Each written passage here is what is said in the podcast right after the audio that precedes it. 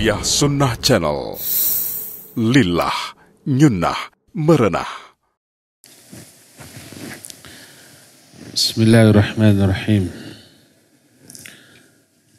Assalamualaikum warahmatullahi wabarakatuh. Innal nahmaduhu wa nasta'inuhu wa nastaghfiruh. ونعوذ بالله من شرور أنفسنا وسيئات أعمالنا.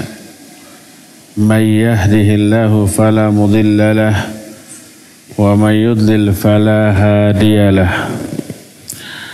وأشهد أن لا إله إلا الله وحده لا شريك له وأشهد أن محمدا عبده ورسوله. يا أيها الذين آمنوا اتقوا الله حق تقاته ولا تموتن إلا وأنتم مسلمون وبعد Hadirin Jamaah Masjid Al-Ukhwah Masjid Agung Al-Ukhwah Bandung Yang Allah muliakan Alhamdulillah kita kembali berjumpa sekalipun hujan mengguyur kota Bandung dengan amat sangat deras dan ini rahmat dari Allah Azza wa Jalla. Allahumma sayyiban nafi'ah tapi derasnya hujan ini tidak menghalangi langkah kita untuk datang ke tempat yang mulia ini untuk mengikuti kajian yang rutin diadakan setiap hari Kamis sore dan juga meniatkan sholat berjamaah maghrib di masjid yang mulia ini nanti ya. Untuk hari Kamis yang sekarang yang biasa kita membahas amalan hati sekarang masuk hari Kamis pertama eh kedua ya Kedua, kita membahas masalah kajian muslimah. Jadi ini khusus untuk ahwat. Tapi ikhwan boleh datang. Kita sudah membahas beberapa penyimpangan yang dilakukan oleh para wanita muslimah. Dan poin terakhir yang sedang kita bahas adalah penyebab utama kenapa para wanita sampai terjerumus ke dalam penyimpangan-penyimpangan tersebut. Sudah dua poin yang kita lakukan. Pertama adalah sudah dua poin yang kita bahas. Pertama karena adanya faktor godaan setan. Setan tidak membiarkan manusia berjalan lurus, apalagi para wanitanya, tapi setan selalu menggoda agar manusia khususnya para wanita terjerumus ke dalam apa yang Allah haramkan. Itu sudah dibahas. Kedua, penyebab kedua adalah maradul qalab, sakitnya hati. Bukan lever, tapi makna sakitnya hati adalah hati kita, jiwa kita terkontaminasi oleh penyakit-penyakit batin ada dua penyakit yang berbahaya yang sudah kita terangkan. Pertama syubhat, kedua syahwat. Syubhat karena kebodohan. Syahwat karena hawa nafsu. Obat syubhat adalah ilmu. Dan obat syahwat adalah amal soleh. Itu sudah kita terangkan. Sekarang kita masuki poin ketiga. Penyebab ketiga manusia, terutama para wanita, terjerumus ke dalam apa yang Allah haramkan adalah ittiba'ul hawa wan nafas wan nafsil ammarati bisu. Penyebab ketiga adalah mengikuti hawa nafsu dan mengikuti an-nafsul ammarati bisu mengikuti an-nafsul ammarah. Sudah pernah kita terangkan an-nafas atau jiwa kita ada tiga jenis, tiga macam. Pertama, an-nafsul mutmainnah, jiwa yang tenang, yang tentram. Jiwa yang selalu cenderung kepada kebaikan, kepada keburukan. Jiwa yang bersih, jiwa yang terbina dan terwarnai oleh ilmu, iman, dan amal soleh. Ini jenis jiwa yang pertama. Dan ini sebaik-baik kondisi jiwa. Semoga Allah menjadikan kita memiliki jiwa-jiwa yang seperti ini nafsul mutmainnah. Allah berfirman, Ya ayyatuhan nafsul mutmainnah, irji'i ila rabbiki radiyatan mardiyah. Fadkhuli fi ibadi wadkhuli jannati. Wahai jiwa yang tenang. Kata Allah, Ya ayat Tuhan nafsul mutmainah.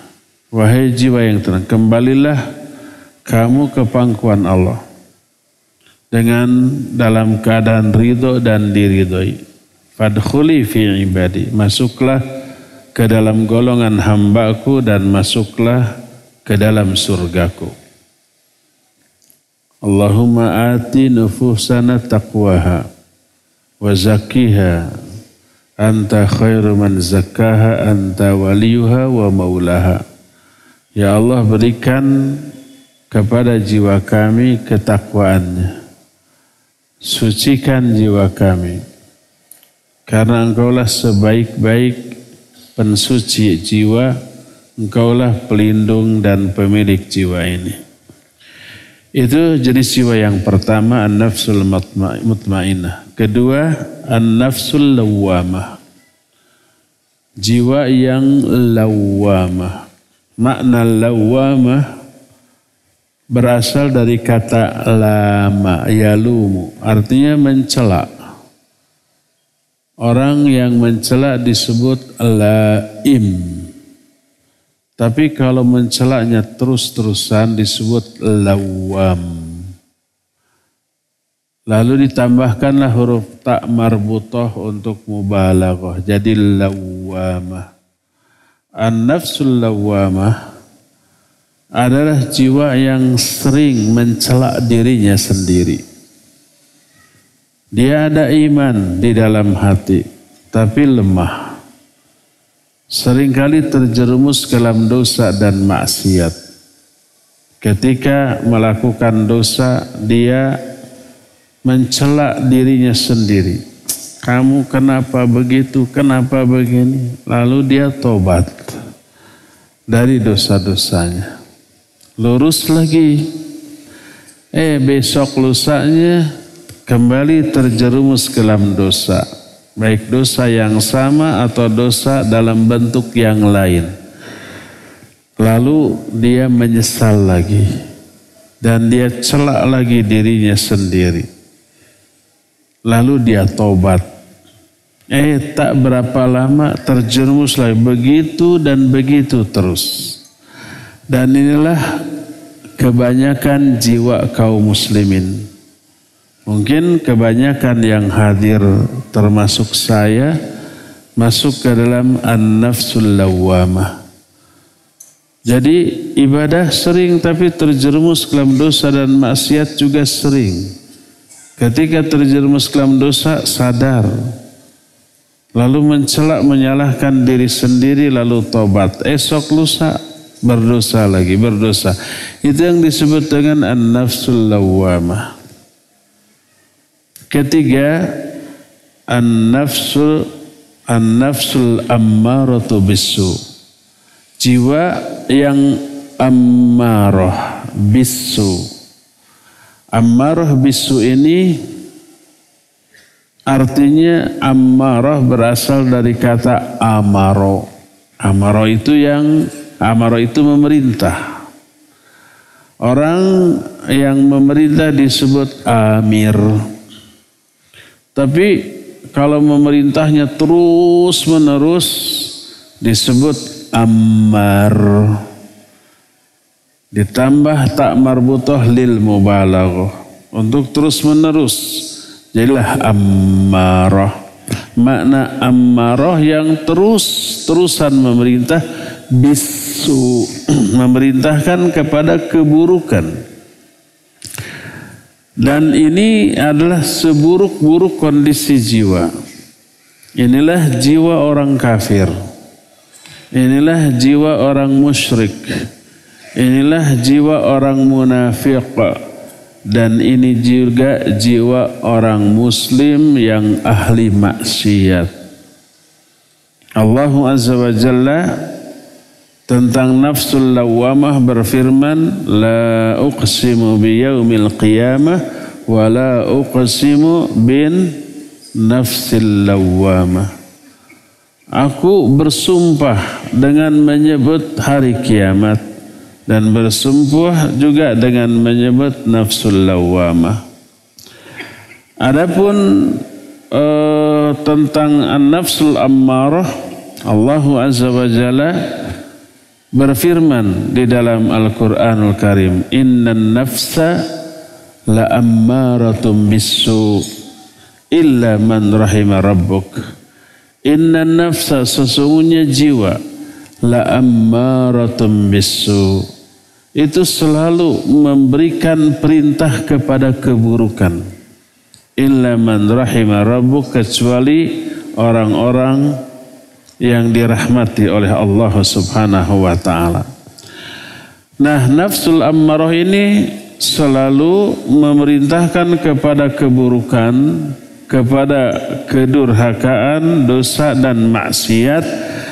Makanya kalau digugu, ditiru, di, digugu atau diturut, ditaati, maka orang itu akan selalu terjerumus ke dalam dosa dan maksiat. Berdasarkan hal itulah maka orang-orang yang selalu mengikuti hawa nafsu jiwanya selalu merintahkan kepada keburukan padahal Allah Azza wa Jalla sudah mengancam kerugian kepada orang-orang yang mengotori jiwanya dengan hawa nafsu dan keinginan-keinginan untuk bermaksiat. Allah berfirman qad aflaha man zakkaha wa qad khaba man dassaha. Surah asy-syams ayat yang ke-9 dan yang ke-10 kata Allah sungguh berbahagia orang yang mensucikan dirinya. Wa qad khaba man dassaha. Dan sungguh rugi orang yang mengotori jiwanya kita pernah bahas ayat ini di daurah Ramadan beberapa tahun lalu, setahun lalu atau dan dua tahun lalu dari kitab Ighathatul Lahafan susunan Al-Imam Ibn Qayyim rahimahullah. Bahwa makna qad aflaha man zakkaha wa qad khaba man dassaha. Fa'ilnya ada dua kemungkinan. Mungkin fa'ilnya kembali ke man, mungkin fa'ilnya kembali kepada Allah. Makna qad aflaha man zakkaha bisa berarti sungguh berbahagia orang yang mensucikan dirinya dan sungguh rugi orang yang men mengotori dirinya bisa juga dengan mana sungguh berbahagia orang yang disucikan jiwanya oleh Allah dan sungguh rugi orang yang jiwanya dikotorkan oleh Allah Subhanahu wa taala. Karena apa? Karena yang membuat jiwa kita suci dan jiwa kita kotor Allah Subhanahu wa taala. Dan Allah mensucikan jiwa seseorang sebagai balasan atas perbuatan baik dia sebelumnya dan tidaklah Allah mengotorkan jiwa seorang kecuali sebagai hukuman atas dosa dan maksiat yang dilakukannya. Makanya Nabi Shallallahu Alaihi Wasallam karena tahu yang membuat jiwa ini baik atau buruk, yang membuat jiwa ini bersih atau kotor hanyalah Allah, maka beliau minta kepada Allah seperti doa yang tadi saya panjatkan. Allahumma ati nafsi taqwaha wa zakkiha anta khairu man zakkaha anta waliyuha wa maulaha. Hadis ini sahih riwayat Imam Bukhari dan Imam Muslim. Allahumma ya Allah ati nafsi taqwaha berikan ketakwaan kepada jiwaku wa zakkiha dan sucikan jiwaku ini anta khairu man zakkaha engkaulah sebaik-baik yang mensucikan jiwa anta waliyuha maulaha.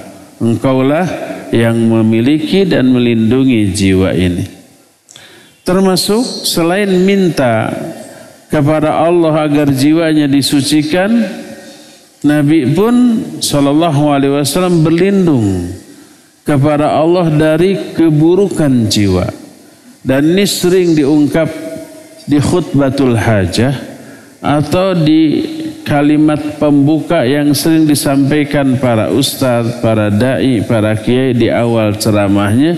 Seperti yang tadi juga saya lakukan di antaranya wa na'udzu billahi min syururi anfusina kami berlindung kepada Allah min syururi anfusina dari kejahatan atau keburukan jiwa-jiwa kami. Allah pun telah mewanti-wanti jangan sampai kita mengikuti hawa nafsu. Mengikuti hawa nafsu membuat jiwa kotor dan membuat kita tersesat dari jalan yang benar. Mengikuti hawa nafsu sebab pokok dari disesatkannya kita dari jalan hidup yang benar.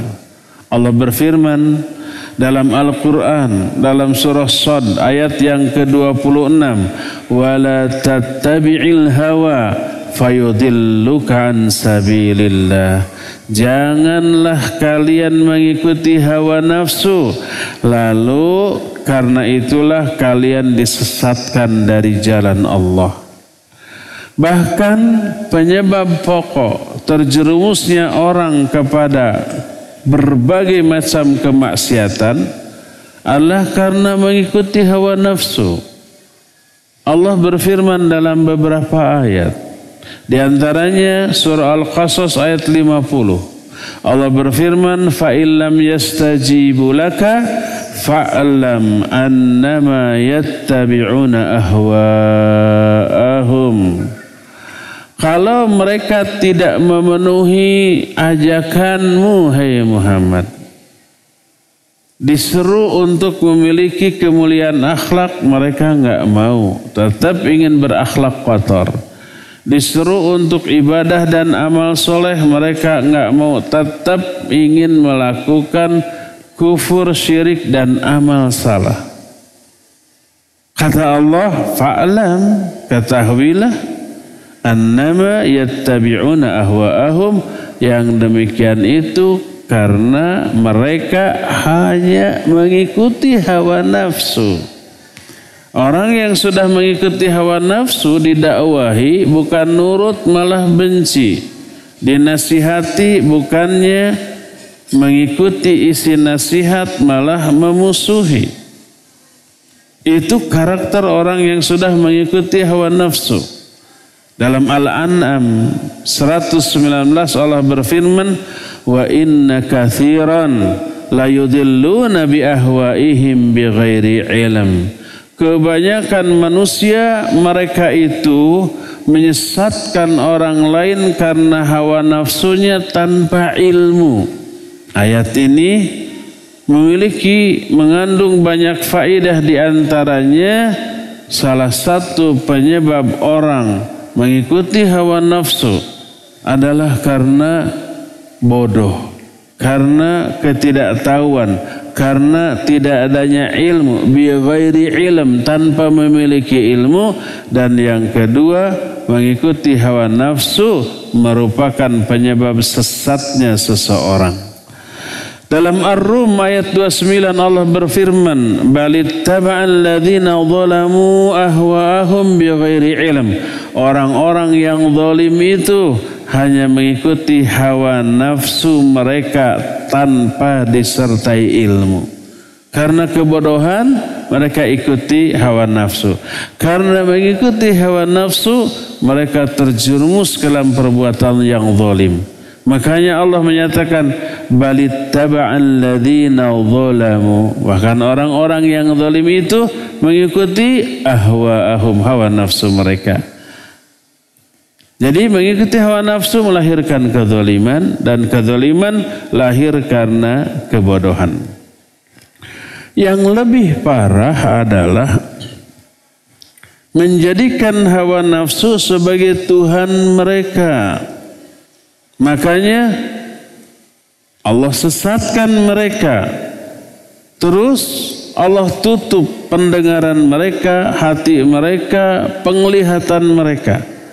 Orang yang seperti itu susah dinasihati, susah didakwahi, susah dibimbing dan susah dibina karena sudah memiliki penuntun, pembina, pengarah sendiri di dalam hidupnya yaitu hawa nafsunya. Allah berfirman, "Afara'aita alladhi afara'aita man ittakhadha ilahahu hawahu wa adallahu Allahu ala ilmin wa khatama ala sam'ihi wa qalbihi wa ala basarihi ghishawah." Kata Allah Azza wa Jalla, apakah kamu memperhatikan orang yang menjadikan hawa nafsunya sebagai ilahnya, sebagai sesembahannya. Yang disembahnya hawa nafsu. Allah sesatkan dia, Allah tutup penglihat apa, pendengarannya, Allah tutup hatinya dan Allah jadikan penutup juga dari dalam penglihatannya. Sumun bukmun umyun fahum la yarjun. Mereka itu buta, mereka itu tuli, mereka itu bisu. Bukan buta matanya tapi hatinya dari kebenaran. Tidak mau dan tidak peduli kepada kebenaran, tidak mau mendengarkan kebenaran, tidak mau melihatnya dan tidak mau memikirkan apalagi mengikuti kebenaran. Orang yang sudah seperti itu mah didakwahi pun susah, malah memusuhi dan apa? membenci orang-orang yang menasihatinya, ya. Itu disebabkan karena hawa nafsu. Berkata Ali bin Abi Thalib radhiyallahu an, "Inna akhwafa ma akhafu alaikum ittiba'ul hawa wa thulul amal." Fa amma ittiba'ul hawa fayasuddu 'anil haqq wa amma tulul amal fayunsi fayunsil akhirah kata Ali bin Abi Thalib radhiyallahu an kata dia sesuatu yang paling aku takutkan menimpa kalian adalah dua. Pertama mengikuti hawa nafsu. Kedua tulul amal. Panjang angan-angan. Angan-angan dunia. Cita-cita hidup yang dia tetapkan. Target yang ingin dia capai dalam hidup hanya dunia harus kaya raya harus berpangkat harus punya jabatan harus menjadi orang yang masyur, yang populer, yang beken, itu angan-angannya panjang. Makanya langkah yang dia lakukan menuju ke arah sana. Tidak ada cita-cita akhirat, lupa kepada akhirat. Makanya persiapan menuju akhirat tidak masuk ke dalam skedulnya dalam hidupnya. Tidak ada harus ngaji, tidak ada harus nambah hafalan, tidak ada harus memahami tauhid, memahami ibadah, memahami akhlak, memahami syariat ini nggak ada dalam planning hidupnya nggak ada. Ya, jadi dua yang paling aku khawatirkan menimpa kalian. Pertama mengikuti hawa nafsu, kedua panjang angan-angan. Adapun mengikuti hawa nafsu maka menyebabkan dia bisa menghalangi orang dari jalan kebenaran. Bukan sekedar dia tidak mau menelusuri jalan kebenaran, bahkan lebih dari itu menghalangi orang lain dari kebenaran. Itu efek dari mengikuti hawa nafsu yang keduanya adapun panjang angan-angan menyebabkan dia lupa akhirat. Akhirat itu tidak masuk ke dalam skedul aktivitas hariannya. Tidak sama sekali ya. Yang ada hanya dunia, dunia dan dunia. Ucapan Ali bin Abi Thalib diriwayatkan oleh Imam Al-Baihaqi dalam kitab Syu'abul Iman. Allah Azza wa Jalla mengiming-imingi orang yang berupaya keras menahan diri dari hawa nafsu. Apa yang dibisikkan oleh jiwanya yang kotor untuk melakukan keburukan, dia perangi. Kita sudah terangkan ma minkum illa wukila ilaihi qarinu minal jin wa qarinu minal malaika. Tak ada seorang pun di antara kalian kecuali diutus kepada dia satu korin dari bangsa jin dan satu korin dari bangsa malaikat. Setiap kita punya dua korin. Korin itu pendamping yang selalu melekat erat dalam kehidupan kita di setiap saat. Makanya makna korin sudah menjadi bahasa Indonesia dengan sedikit perubahan urutan huruf jadi kroni dari korin itu teh. Apa makna kroni? Kawan dekat ya. Malaikat mengajak orang itu kepada kebaikan. Jin mengajak orang yang didampinginya kepada keburukan. Mana yang kita lebih respon? Malaikat atau jin? Tergantung iman kita. Ibarat kita punya dua kawan, dua sahabat, satu ngajak ke masjid, satu ngajak dangdutan. Mana yang kita akan ikuti, masjid atau dangdutan? Tergantung siapa kita dan bagaimana iman kita. Kalau iman lagi puncak ke masjid. Kalau imannya lagi mengalami degradasi, penurunan, pengikisan, maka akan mengikuti orang yang ngajak ke dangdutan. Nah, Allah mencoba berupaya agar manusia itu menahan diri dari ajakan buruk dari hawa nafsu dengan cara salah satunya mengiming-imingi orang yang mampu menahan diri dari hawa nafsu dengan iming-iming yang menggiurkan. Andai iming-iming ini dunia, pasti banyak orang yang apa?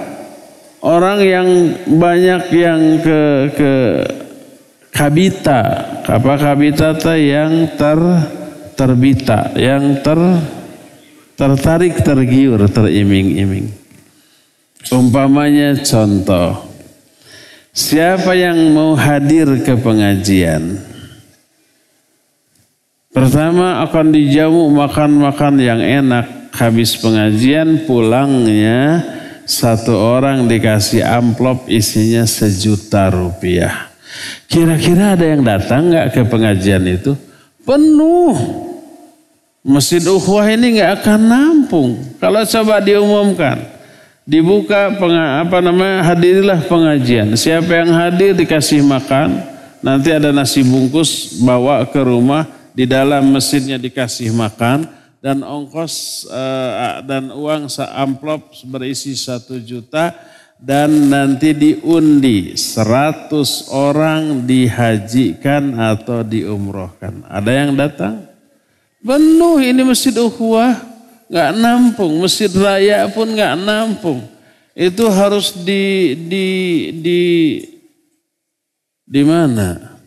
Harus di lapang sepak bola baru nampung ya Karena iming-imingnya dunia, padahal uang sejuta bisa habis dalam beberapa hari. Makanan hari itu habis, hari itu keluar lagi bisa tuh, ya. Tapi ketika Allah memberi memberi iming-iming akhirat, banyak orang yang cuek. Allah berfirman nih tentang orang-orang yang menjaga diri dari hawa nafsunya. Kata Allah Azza wa Jalla dalam surah An-Nazi'at ayat 40 dan 41 Allah berfirman wa amma man khafa maqama rabbih wa nahan nafsa 'anil hawa fa innal jannata hiyal ma'wa Adapun orang yang takut Takut kepada apa? Maqama rabbihi. Makna maqama rabbihi kata Imam Ibnu Katsir rahimahullah dalam tafsirnya. Maqam di sini disebutnya isim zaman. Isim zaman dari koma.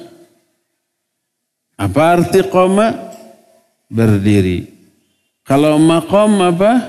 Saat berdiri. Waktu ketika berdiri.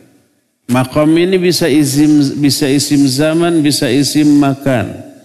Kalau isim makan maknanya tempat berdiri. Kalau isim zaman maknanya saat berdiri. Wa amma man khafa maqama rabbi. Adapun orang yang takut. Takut kepada apa? Takut ketika dia berdiri di hadapan Allah di akhirat. Takut sengsara, takut kena azab, takut menderita ketika kelak berjumpa dengan Allah. Karena takut itu apa yang terjadi? Wanahan nafsa anil hawa. Dia tahan dirinya dari hawa nafsu. Ini iming-iming Allah bagi orang yang menahan diri dari hawa nafsu. Fa innal jannata hiyal ma'wa. Surga tuh tempat menetap dia kelak secara abadi selama-lamanya. Berkata Imam Al-Alusi rahimahullah ketika menafsirkan ayat ini. Wa nahan nafsa anil hawa. Dia menahan diri dari hawa nafsunya maknanya adalah dia menahan diri dari hawa nafsu artinya tidak cenderung kepada syahwat Ketika ada godaan untuk berdosa dan bermaksiat, dia sabar. Menahan diri dari hal itu, tidak ikut terjerumus dalam dosa dan maksiat. Padahal seperti kita rasakan. Perbuatan dosa dan maksiat itu menggiurkan. Perbuatan dosa dan maksiat itu memiliki daya tarik.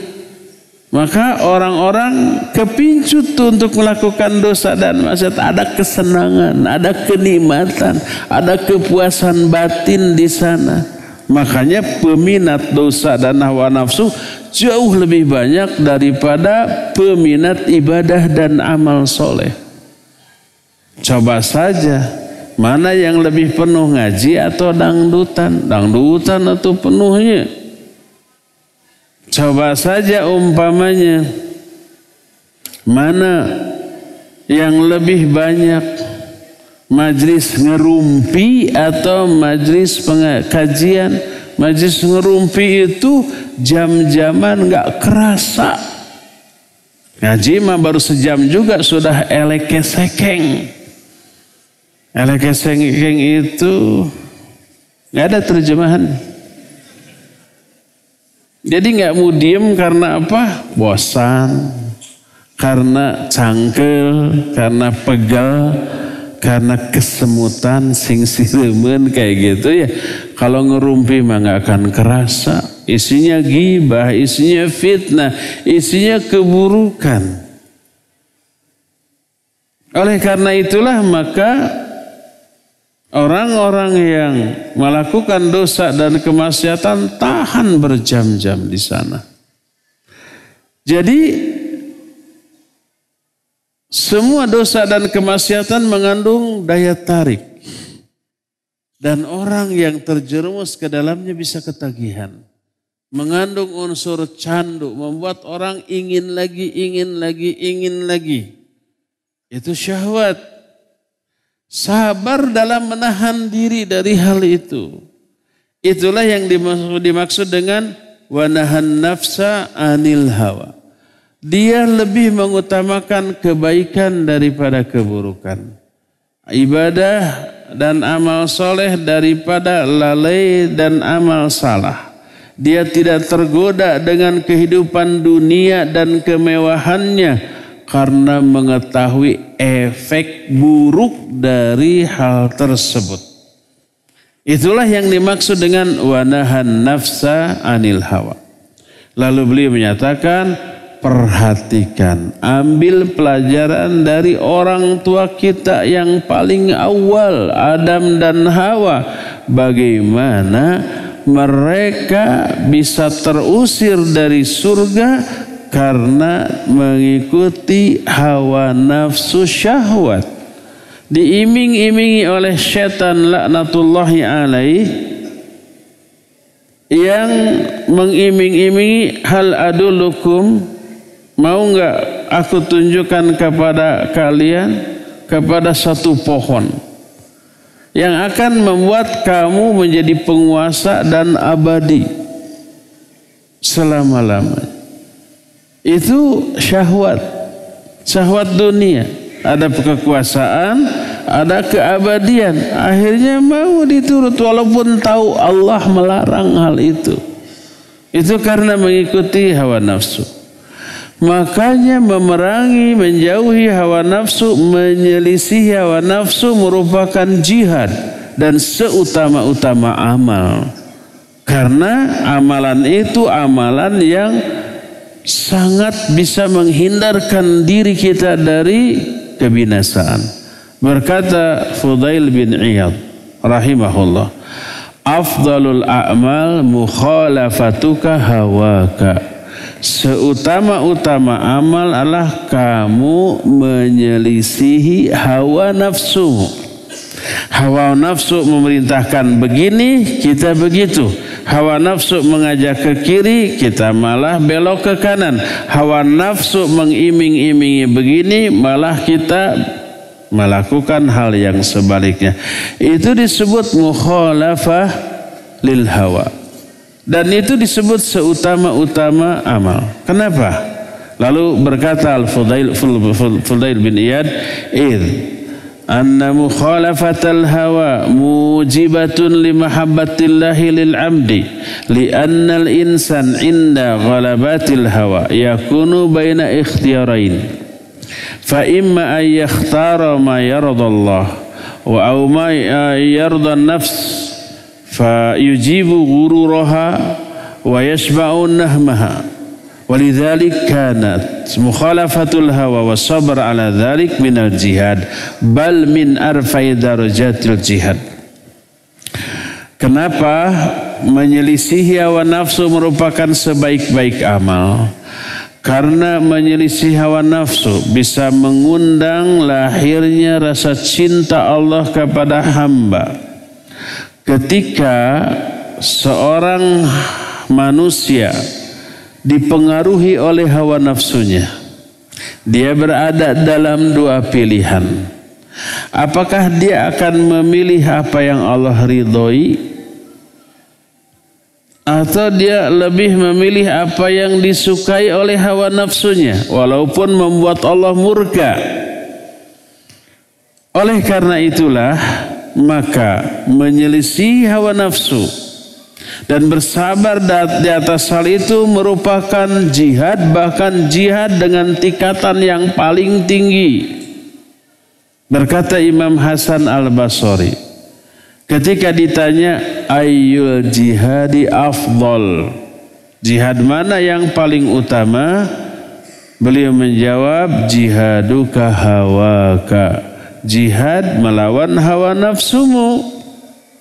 Berkata Abdullah bin Mubarak rahimahullahu taala, Abdullah bin Mubarak dianggap sebagai sebaik-baik tabi'un tabi'in. Ada lagi kalau sebaik-baik tabi'in siapa? Ada yang tahu tabi'in terbaik siapa? Uwais Al-Qarni, Uwais bin Amir Al-Qarni dari Qarn dari Yaman. Kata Rasul sallallahu alaihi wasallam, sebaik-baik orang yang hidup di zaman tabi'in orang yang disebut dengan Uwais bin Amir Al-Qarni. Sebagian ulama menyatakan yang terbaik itu Sa'id bin Al-Musayyib. Imam Ibn Qasir menyatakan Sa'id bin Al-Musayyib kana a'laman nas. Orang yang paling berilmu dan paling utama dalam keilmuan. Mereka menyatakan itulah seutama-utama tabi'in. Apakah tidak bertolak belakang dengan sabda Nabi SAW sebaik-baik tabi'in lawais al-Qarni? Tidak. Lalu para ulama menuduhkan Uwais Al-Qarni terbaik di kalangan tabiin dari sisi kedudukan dia di mata Allah Azza wa Jalla. Karena keikhlasan, karena ketulusan, karena ketawaduan, tidak ingin menjadi orang beken. Tidak ingin dikenal dan amat sangat berbakti kepada ibunya. Adapun Said bin Al-Musaib unggul lebih utama dari segi keilmuan. Walhasil kedua-duanya benar.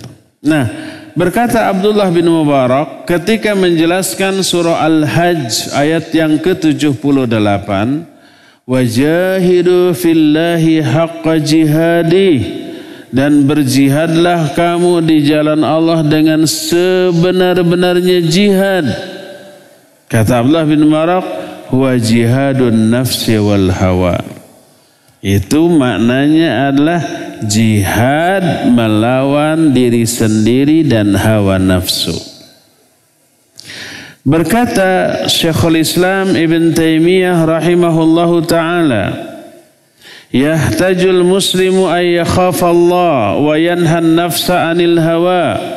wa nafsul hawa wa syahwat la yu'aq la yu'aqabu alaihi bal ala ittiba'ihi wal amali bih fa idza kanat nafsu tahwa wa huwa yanhaha kana nahyuhu ibadatan lillah wa amalan salihah kata Syekhul Islam seorang muslim perlu merasa takut kepada Allah dan perlu melarang dirinya dari hawa nafsu. Hawa nafsu dan syahwat itu sendiri itu tidak tidak menyebabkan diazab. Ada munculnya hawa nafsu, ada munculnya syahwat dalam diri, itu tidak berdosa orang yang memiliki hawa nafsu dan memiliki syahwat. Tidak dosa karena semua orang memilikinya. Allah berfirman, "Zuyyina lin-nasi hubbus syahawati minan nisa wal banin ila akhiril ayah." Manusia itu dihiasi dengan syahwat terhadap wanita, anak-anak dan seterusnya, harta dunia ya. Memiliki syahwat kepada dunia terhadap wanita tidak berdosa. Memiliki hawa nafsu yang mengajak kepada keburukan tidak berdosa. Yang berdosa adalah kalau hawa nafsu dan syahwat itu diikuti, dituruti dan diwujudkan menjadi amal. Itu baru dosa. Pas dalam hati kita ada kecenderungan melakukan perbuatan buruk, itu sampai di sana kita tidak dosa. Karena bukan ikhtiar kita, bukan amal kita. Ujug-ujug aja muncul. Dari mana ini? Dari syaitan. Imam Al-Qurtubi rahimahullah ketika menjelaskan apa yang disebut dengan was-was was-was itu bisikan setan yang isi bisikannya langsung muncul dalam hati tanpa terdengar suara apa pun di telinga tiba-tiba ujuk-ujuk muncul saja keinginan yang buruk keinginan yang jelek keinginan untuk berbuat dosa dan maksiat Apakah kita sengaja menghadirkan keinginan itu? Tidak. Ujug-ujug aja ya. Itulah setan. Yang membisikkan hal itu itulah yang dimaksud dengan waswas setan. Alladhi waswisu fi sudurin nas. Ya.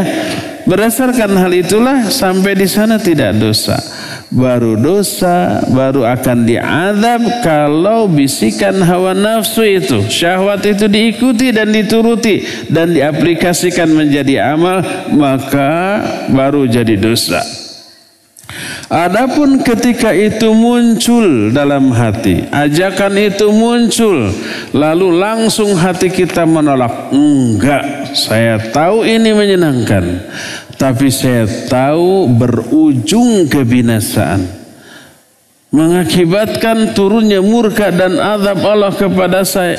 Enak sih, menyenangkan. Tapi apa yang terjadi akibatnya kita diazab oleh Allah. Ibarat makanan, minuman, enak, lezat. Tapi berefek buruk. Contohnya apa ya? Bala-bala dengan cikopi. Enak apa lezat? Enak dan lezat. Coba tanya ahli kesehatan dokter apa efeknya menggabungkan bala-bala dengan cikopi. Itu yang bikin menyebabkan bertumpuknya lemak, kolesterol, penyumbatan dan seterusnya ya. Tapi walaupun tahu ah kolesterol kolesterol lah. Am cengek kena belawak suruput. Nikmat luar biasa.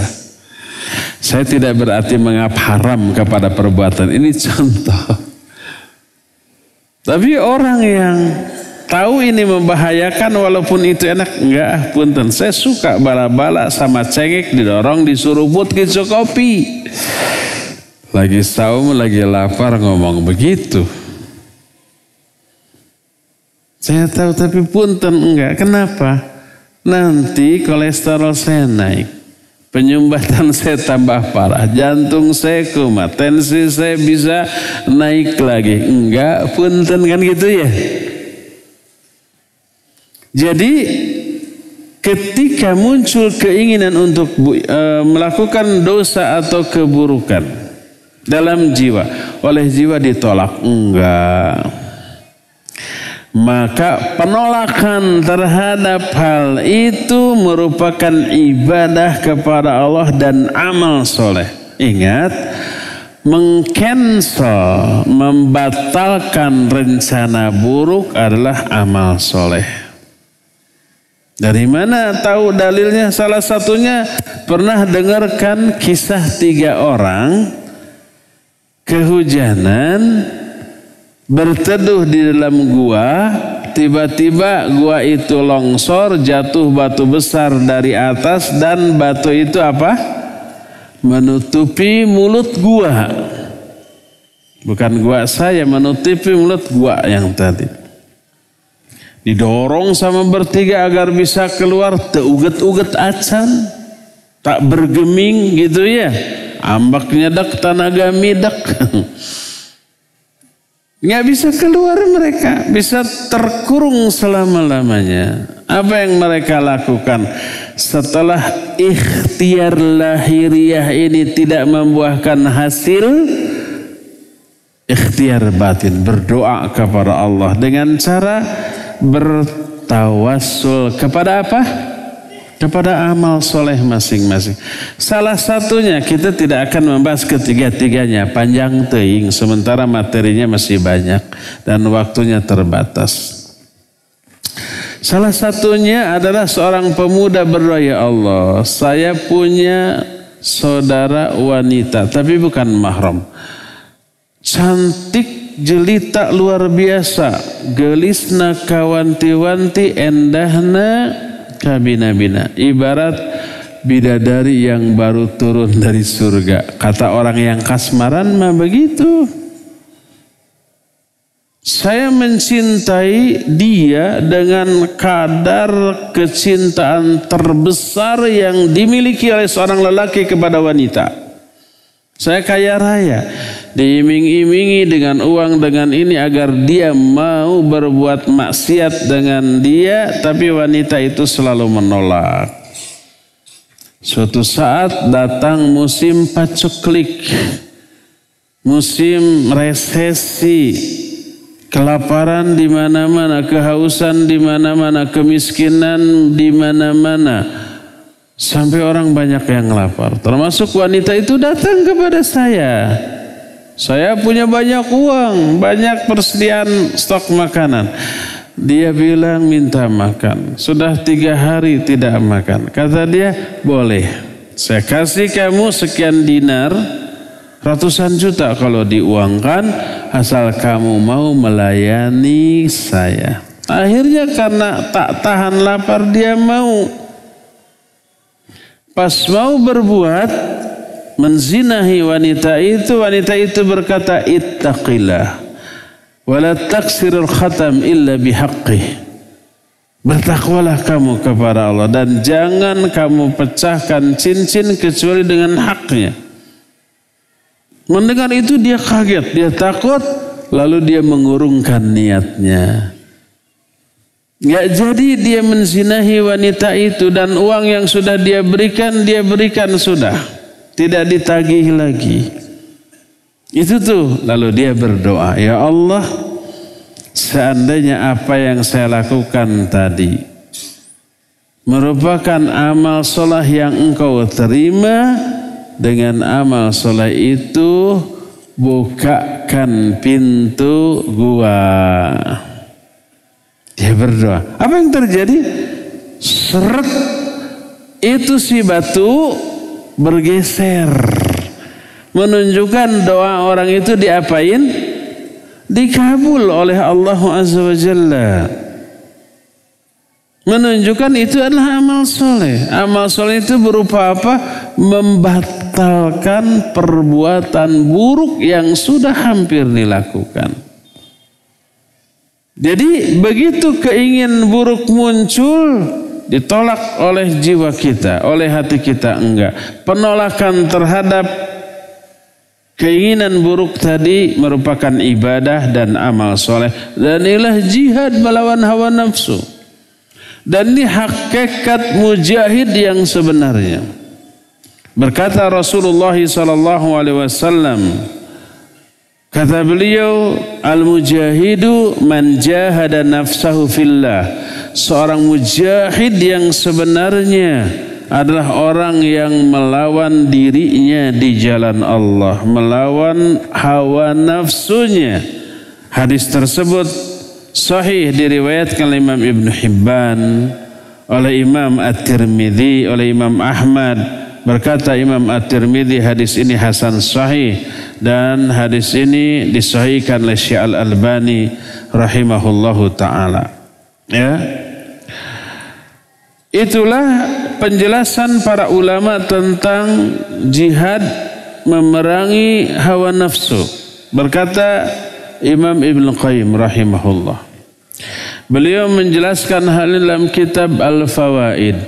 Fawaidul Fawaid. Kata beliau, Qauluhu ta'ala, Walladzina jahadu fina lanahdiyannahum subulana.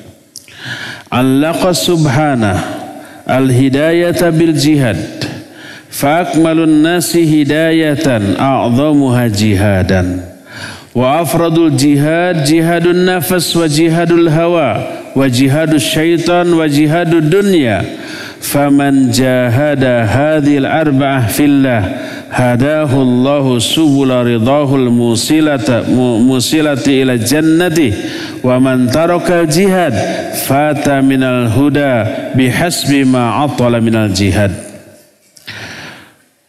Kata Imam Ibnu Qayyim ketika menerangkan Al-Quran surah Al-Ankabut ayat yang terakhir, ayat yang ke-69.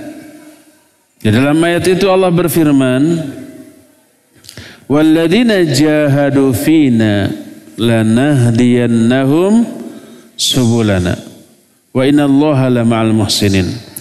Dan orang-orang yang berjihad di jalan kami pasti akan kami berikan kepada mereka hidayah menuju jalan-jalan kami.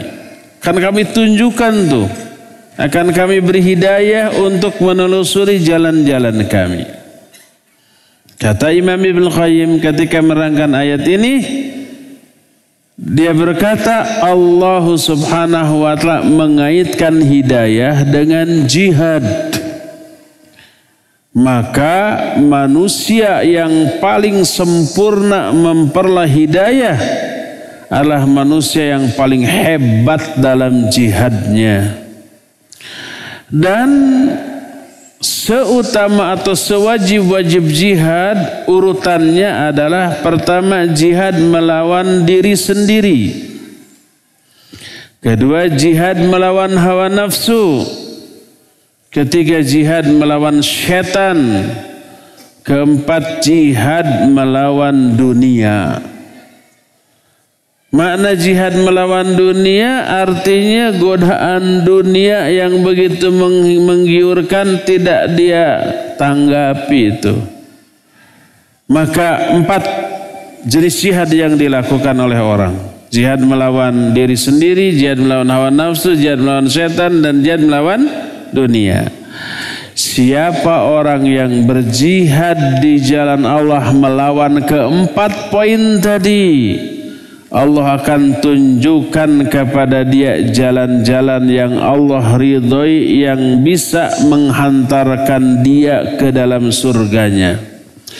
Dan siapa yang tidak berjihad, dia kehilangan hidayah dari Allah sesuai dengan kadar meninggalkan jihad yang dia lakukan.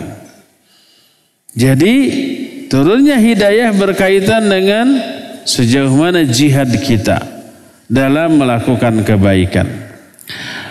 Dalam bagian lain berkata Imam Ibn Qayyim, "Laisa kullu man tahalla bil ma'rifah wal hikmah wa antahalaha kana min ahliha, bal ahlul ma'rifah wal hikmah alladzina ahyau qulubahum biqatlil hawa." Amma man qatala qalbahu fa ahyal hawa fal ma'rifah wal hikmah ariyatun ala lisani. Kita kesindir ya dengan pernyataan Imam Ibnu Qayyim yang seperti ini. Terutama para para duat, para ustaz, para kiai, para ulama. Kata Imam Ibnu Qayyim, tidak semua orang yang terhiasi oleh ilmu, oleh hikmah dianggap ahli ilmu dan ahli hikmah enggak. Tidak semua orang yang berilmu dianggap ahli ilmu, ahli hikmah. Tapi ahli ilmu dan ahli hikmah adalah orang-orang yang menghidupkan hati-hati mereka dengan ilmu da, dalam bentuk memerangi hawa nafsunya. Tapi sebaliknya, kalau orang itu terkalahkan hatinya dan menghidupkan hawa nafsu dalam jiwanya, ilmu dan hikmah hikmahnya sebatas di lisan semata-mata. Tidak berasal dari hatinya karena hatinya sudah kotor terkuasai oleh hawa nafsu hanya di lisan. Kalau di lisan hanya sampai di telinga pendengar. Nggak merasuk ke dalam hati dan jiwa pendengar.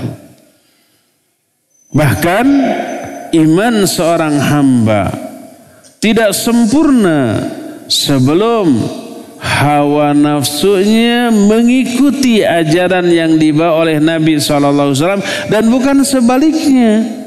Ayat dan hadis harus disesuaikan dengan otaknya, dengan perasaannya, dengan konsepnya. Bukan begitu, tapi sebaliknya. Otak kita, perasaan kita, seluruh konsep hidup kita harus mengikuti ajaran yang dibawa oleh Nabi SAW Al-Quran dan As-Sunnah. Baru sempurna tuh imannya. Sebagaimana dalam satu hadis Nabi SAW bersabda, La yu'minu ahadukum hatta yakuna hawahu taba'an lima ji'tu bih. Tidaklah sempurna keimanan salah seorang di antara kalian sebelum hawa nafsunya mengikuti ajaran yang aku bawa. Hadis ini sahih. Imam Al-Baghawi meriwayatkan uh, hadis ini dalam kitab As-Sunnah. Disahihkan oleh Imam An-Nawawi dalam kitab Al-Arba'in An-Nawawiyah. Demikian juga Imam Ibn Hajar dalam kitab Fathul Bari. Syarah Sahih Bukhari beliau menyatakan rijaluhu thiqat. Bahwa rijal hadis ini semuanya thiqat. Atau perawi hadis ini semuanya terpercaya.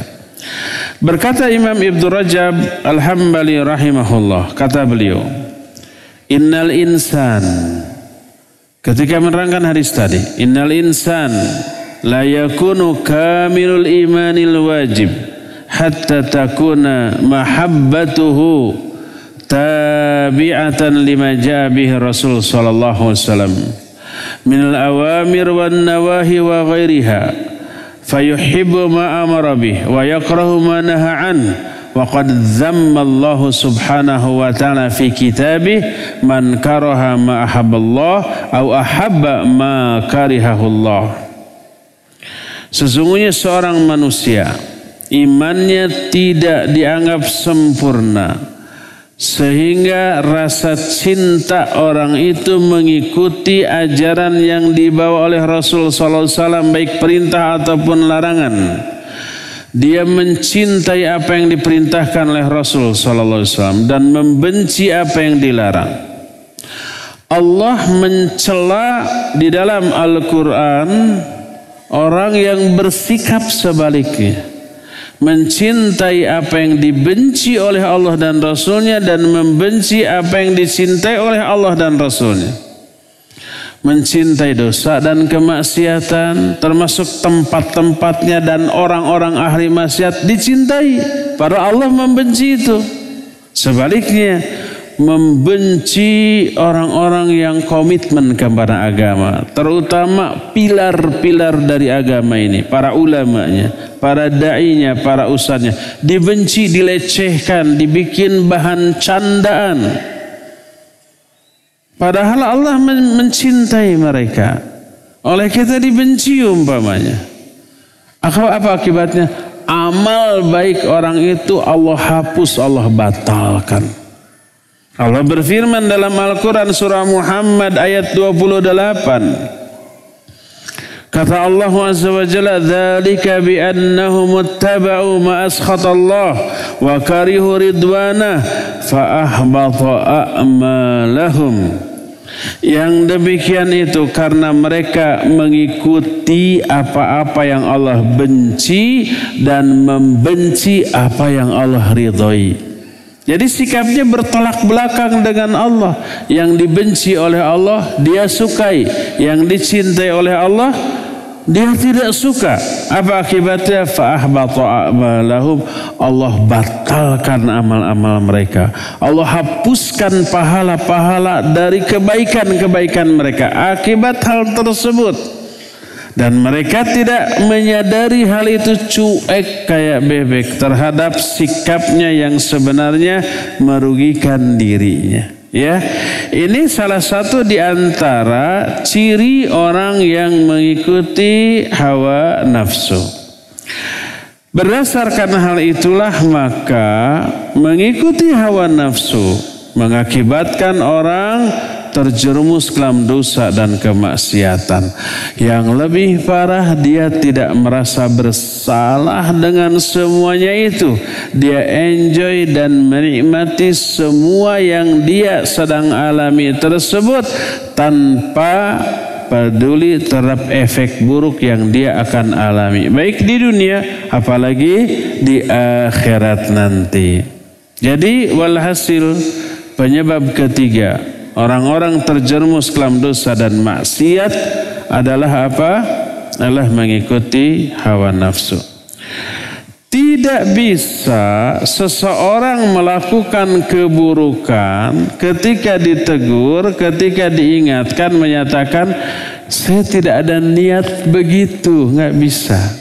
Perbuatan buruk tidak dilihat dari niat. Walaupun niatnya baik, bagus, tapi perbuatannya buruk tetap dosa. Al-ghayah la tubarrirul wasilah. Tujuan itu tidak menghalalkan segala cara. Caranya buruk, walaupun niatnya baik, tetap saja dosa. Contoh, kita ingin nyumbang pembangunan masjid, pembangunan pesantren, tapi nggak punya uang, nyopet aja yuk. Niat nyopet untuk apa? Membangun masjid, membangun ma'had, pesantren, menyantuni fakir miskin lalu nyopet. Apakah nyopetnya menjadi ibadah? Tidak, tetap saja dosa. Dan kalau dia berhasil lalu menyumbang dari hasil nyopetnya, nggak dapat pahala apa pun. Ditolak oleh Allah. Inna Allah tayyibun la yaqbalu illa tayyiba. Allah itu baik maha baik dan tidak menerima kecuali yang baik-baik. Maka berinfak bersedekah dengan barang haram ditolak oleh Allah Azza wa Jalla. Maka niat membangun masjid dengan cara mencopet tetap saja itu buruk. Makanya orang yang berbuat buruk jangan sekali beralasan saya sebenarnya tidak berniat melakukan itu. Nggak bisa. Niat yang baik tidak merubah. Perbuatan buruk menjadi baik. Kecuali kalau perbuatan baik ah ditinjau niatnya tuh.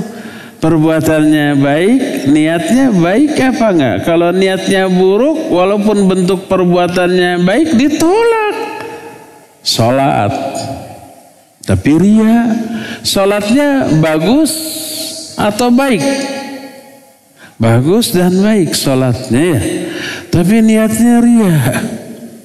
Menyebabkan sholat yang bentuk zahirnya baik ditolak oleh Allah. Pelakunya tidak diberi pahala bahkan diazab. Fawailul lil musallin. Salah satunya alladzina hum yuraun. Celaka orang yang sholat itu orang yang ria. Jadi kalau perbuatan baik niat dilihat. Ikhlas enggak?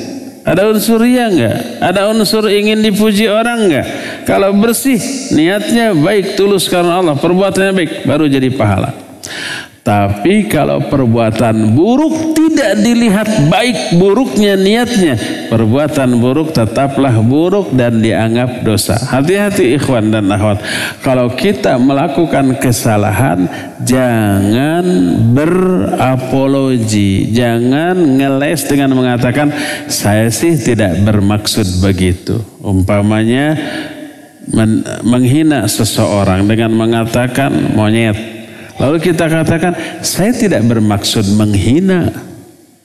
Mau niat, mau maksud menghina atau tidak, perbuatan itu sudah merupakan apa? Penghinaan. Nggak dilihat niatnya. Kalau itu perbuatan buruk, sekali lagi, jangan ngeles. Jangan ngeles. Saya sebenarnya cinta kepada antum. Omongan saya antum monyet itu tidak bermaksud menunjukkan kebencian saya senang kepada antum cinta.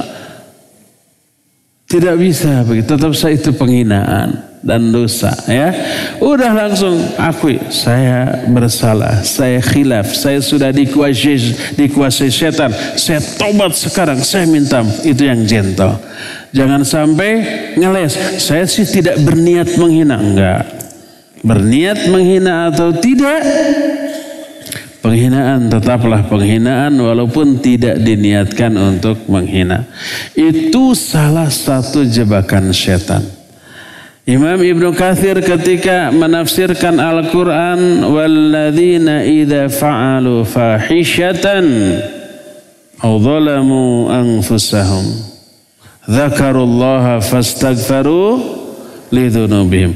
Orang bertakwa adalah orang yang ketika mereka ter, melakukan perbuatan doli, mendolimi diri sendiri atau berbuat fahisyah. Walladzina idza fa'alu. Orang yang berbuat keji atau zalim kepada diri sendiri, mereka cepat ingat kepada Allah dan minta ampun atas dosa-dosa. Itu sudah orang bertakwa. Adapun orang yang tidak bertakwa ketika salah ngeles dan ini jebakan setan. Berkata Rasul sallallahu alaihi wasallam qala iblis. Iblis berkata, ahlaktun nas bidzunub wa ahlakuni bila ilaha illallah wal istighfar falamma ra'aitu dzalik ahlaktuhum bil ahwa fayahsabuna annahum minal muhtadin berkata iblis aku akan binasakan manusia dengan hawa nafsu eh, dengan dosa-dosa agar mereka terjerumus ke dalam dosa-dosa tapi sayang manusia menghancurkan upayaku dengan mengatakan la ilaha illallah dan istighfar. Sudah digoda, tergoda, eh dia tobat. Terhapuskan dosanya? Iya. Capek gawe, teka pakai. Sudah capek berbuat tapi nggak ada hasil. Falamma ra'aitu dzalik ketika aku melihat demikian kata iblis ahlaktuhum bil ahwa. Aku binasakan manusia dengan hawa nafsu. Ketika mereka berbuat salah aku bisikkan ke dalam hatinya argumentasi alasan yang menyebabkan mereka merasa tidak bersalah dengan kesalahannya dan mereka ber, merasa berada di atas petunjuk Allah Azza wa Jalla. Kalau tidak merasa salah terhadap kesalahan, mungkin tobat apa tidak? Tidak mungkin tobat. Mungkin minta maaf kepada orang yang menjadi korban kezalimannya? Enggak, enggak mungkin. Itu jebakan iblis. Ingat kalau kita salah jangan berapologi, jangan ngeles, jangan banyak alasan. Akui saja, saya salah, saya khilaf, saya terkuasai oleh setan dan saya mohon maaf, saya tobat. Itu yang gentleman ya. Ya cukup sampai di sini saja dan kita masih punya sisa waktu untuk bertanya jawab. Assalamualaikum warahmatullahi wabarakatuh. Waalaikumsalam warahmatullahi wabarakatuh. Izin bertanya Ustaz. Ya silakan diizinkan. Jika ahwat bacaan Qur'annya belum bagus. Apakah sholat di masjid bersama imam menjadi lebih baik? Atau di rumah tetap afdal? Mohon nasihatnya. Ya, pertama ini maksudnya salat fardu ya. Salat fardu. Tetap hukum asal bahwa wa buyutuhunna khairul lahun. Uh, rumah-rumah mereka lebih lebih baik bagi mereka. Nabi mengucapkan ini kepada wanita orang Indonesia atau orang Madinah? Orang Madinah dan berlaku untuk semua wanita di seluruh dunia. Para salat di Masjid Nabawi berapa kali lipat? Seribu kali lipat. Salat di Masjidil Haram berapa kali lipat? Seratus kali lipat dibanding Masjid Nabawi. Dibanding Masjid Uhwah berapa kali lipat? Seratus ribu kali lipat. Ini berlaku untuk wanita Mekah, wanita Madinah. Apalagi di luar itu. Salat mereka di rumahnya lebih baik. Makna khairul lahunna ay aktsaruha ajra. Lebih besar pahalanya, ya. Lebih besar pahalanya. Wallahu a'lam bissawab.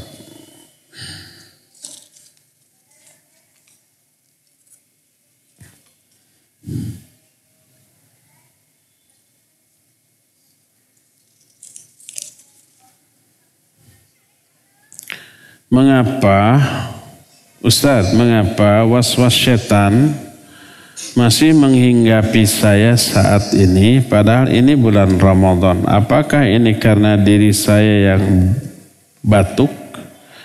Apakah ini karena diri saya yang batuk? Oh buruk, buruk ya. R dengan T itu mirip. Apa bentuk was-wasnya? Enggak dijelaskan, mungkin syubhat. Kalau syubhat obatnya ilmu. Konsultasikan ke ustadz tentang syubhat yang dimiliki nanti dijelaskan sebab obatnya syubhat adalah ilmu. Bentuk was-wasnya tadi tidak diterangkan.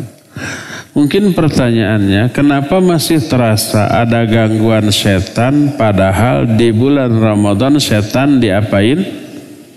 Dibelenggu, ya enggak? Tapi masih enggak terasa ada godaan? Iya. Masih enggak ada orang yang bermaksiat? Kayaknya lebih banyak bermaksiat daripada yang tidak walaupun di bulan Ramadan ya.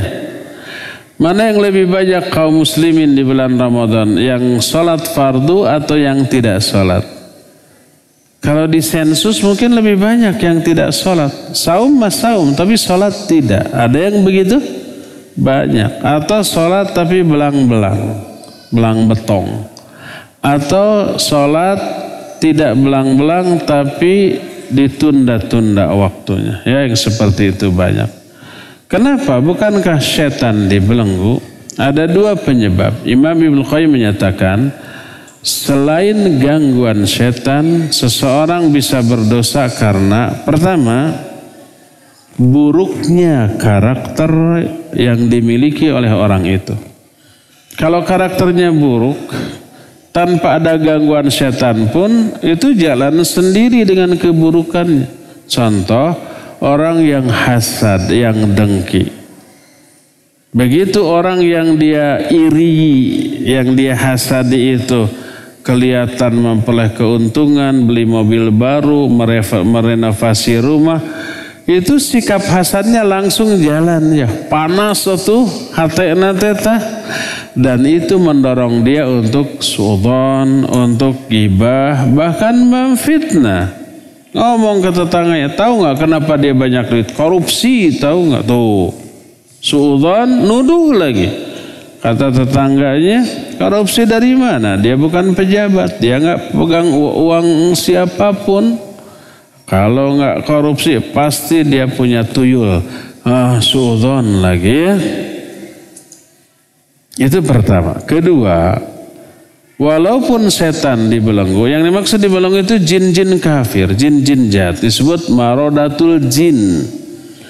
Wasudifatis syayatin wa marodatul jin. Dibelenggu setan dan jin-jin yang jahat. Jin kafir. Adapun jin muslim, mereka tidak dibelenggu karena harus sholat. Harus ibadah, harus beramal soleh. Tapi walaupun Islam banyak yang fasik, banyak yang zalim. Sama seperti manusia. Muslim tapi fasik. Ada enggak muslim menghasut kawannya untuk berbuat dosa terhadap sesama manusia? Ada? Banyak. Umpamanya Ikhwan sudah dandan pakai baju koko gitu ya. Mau pergi ke kajian di Masjid Al-Ukhuwah sambil buka bersama. Eh langsung ditelepon sama kawan Bro, kan biasanya bro bro bro bro ya. Bro, jalan yuk. Ke mana? Hang out. Saya mau ngaji ke, wah ngaji mah bisa lain kali lah. Ini kebetulan di Mall Adu ada ada ada artis lagi datang, banyak yang bening dan manis. Yuk kita meeting. Membawa pengaruh buruk akhirnya tapi saya sudah pakai baju koko, sudah pakai kopiah, ganti, diganti tergoda. Ada yang begitu? Iya, mungkin ada. Ini orang ke orang, manusia ke manusia. Apalagi jin. Walaupun muslim tapi dia fasik. Memberi pengaruh yang buruk kepada sesama jin atau kepada manusia ya. Wallahu a'lam.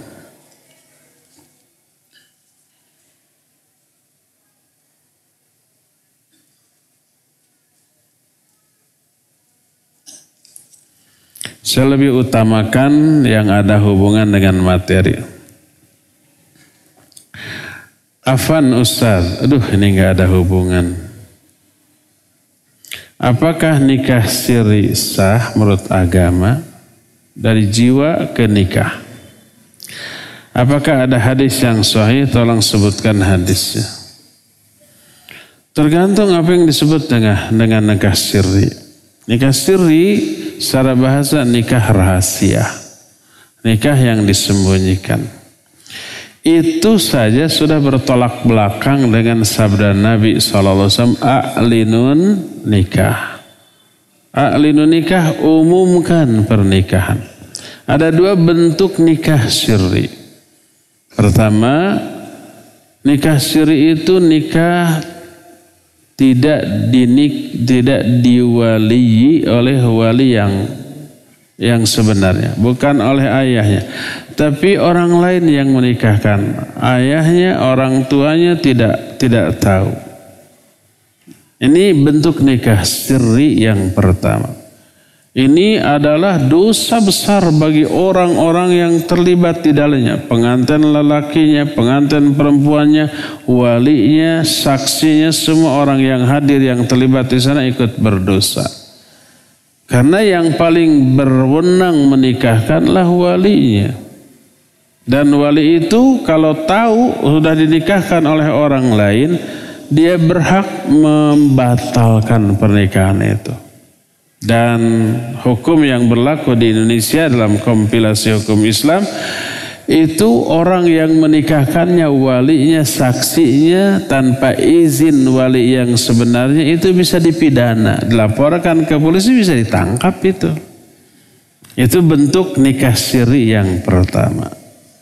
Kedua ada lagi nikah siri nikah dirahasiakan yang menjadi walinya ayahnya sendiri tapi tidak diumumkan ke banyak orang dengan berbagai macam pertimbangan. Kalau pertimbangannya benar maka tidak apa-apa. Umpamanya nggak punya uang untuk menjamu para tamu yang datang, cukup keluarga. Ya, itu juga disebut siri karena tidak diumumkan. Nah, baiknya yang kalau yang kedua ini sah tidak apa-apa. Tapi baiknya tetap diumumkan bahwa ini anak saya mau nikah, tapi mohon maaf tidak ada jamuan apa-apa, tidak mengundang, hanya keluarga dekat saja. Keluarga dua mempelai sudah karena terbatasnya dana. Umumkan ini sudah nikah. Insya Allah nggak masalah ya. Yang bermasalah yang pertama tadi itu ya, itu yang tidak boleh ya. Nah, pertama nikah siri tadi nikah yang dirahasiakan bertolak belakang dengan sabda Nabi Shallallahu Alaihi Wasallam a'linun nikah. Umumkan olehmu pernikahan. Ya. Ada hadis riwayat Imam At-Tabrani. Tapi terus terang saya belum tahu sahih atau tidaknya hadis ini. Nanti saya cari ya. Naha Rasulullah alaihi naha Rasulullah an nikahi sirri. Rasul SAW telah melarang dari nikah sirri. Tidak boleh. Maknanya adalah nikah yang dirahasiakan karena bisa jadi fitnah. Sudah nikah orang-orang nggak tahu, tiba-tiba jalan berdua. Orang nggak tahu tuh udah nikah. Lalu suudon. Eh nggak berapa lama, beberapa bulan kelihatan hamil. Loh kok hamil? Para belum nikah. Itu jadi sumber fitnah ya. Makanya Nabi melarang dan menyatakan a'linun nikah. Umumkan oleh kalian pernikahan. Terakhir ya. Yang gampang.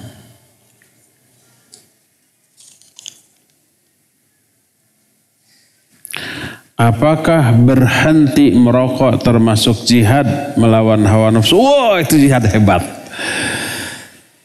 Menghindari rokok, menghentikan rokok itu jihad yang tidak kecil. Gak semua orang bisa. Hanya orang yang telah hidayah Allah yang bisa berhenti. Dan ketika berhasil dialah mujahid sejati.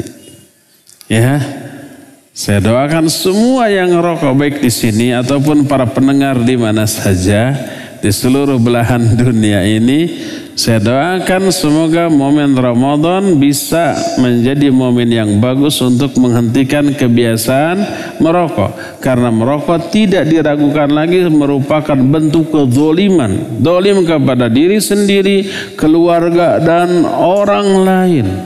Ada orang sebelum ke masjid ngerokok dulu. Lalu setelah itu masuk ke masjid. Kita yang ada di sampingnya keganggu nggak? Iya, bau rokoknya nempel di, di, di badannya, di bajunya. Ya, kita yang ada di sana, wah, bau rokok nih. Pasti keisap nikotin yang nempel di badan dia keisap oleh kita. Kita harus nahan napas gitu ya. Zolim nggak itu orang? Super zolim. Masih agak mending kalau baunya bau jengkol dan pete. Jengkol dan pete secara kesehatan membahayakan tidak? Tidak, malah bermanfaat ya. Terus hawa yang dikeluarkan oleh mulut orang yang habis makan pete atau jengkol berbahaya enggak? Berbahaya sih bau. Tapi tidak mengandung zat yang berbahaya. Tapi kalau rokok ya ya bau Ya berbahaya, berbahaya bagi diri, berbahaya bagi orang lain yang dekat. Bahaya rokok tidak hanya selama merokok, seusai merokok juga nikotinnya, baunya nempel di badannya, di rambutnya, lalu keisap oleh orang yang dekat dengannya. Yang paling saya nggak ngerti, bapak-bapak sambil mangku anaknya yang masih balita ngerokok. Aduh, saya kemarin membawa cucu saya, saya sudah jadi kakek usia 8 bulan batuk terus. Kita bawa ke dokter. Kata dokter, Bapak ngerokok enggak? enggak.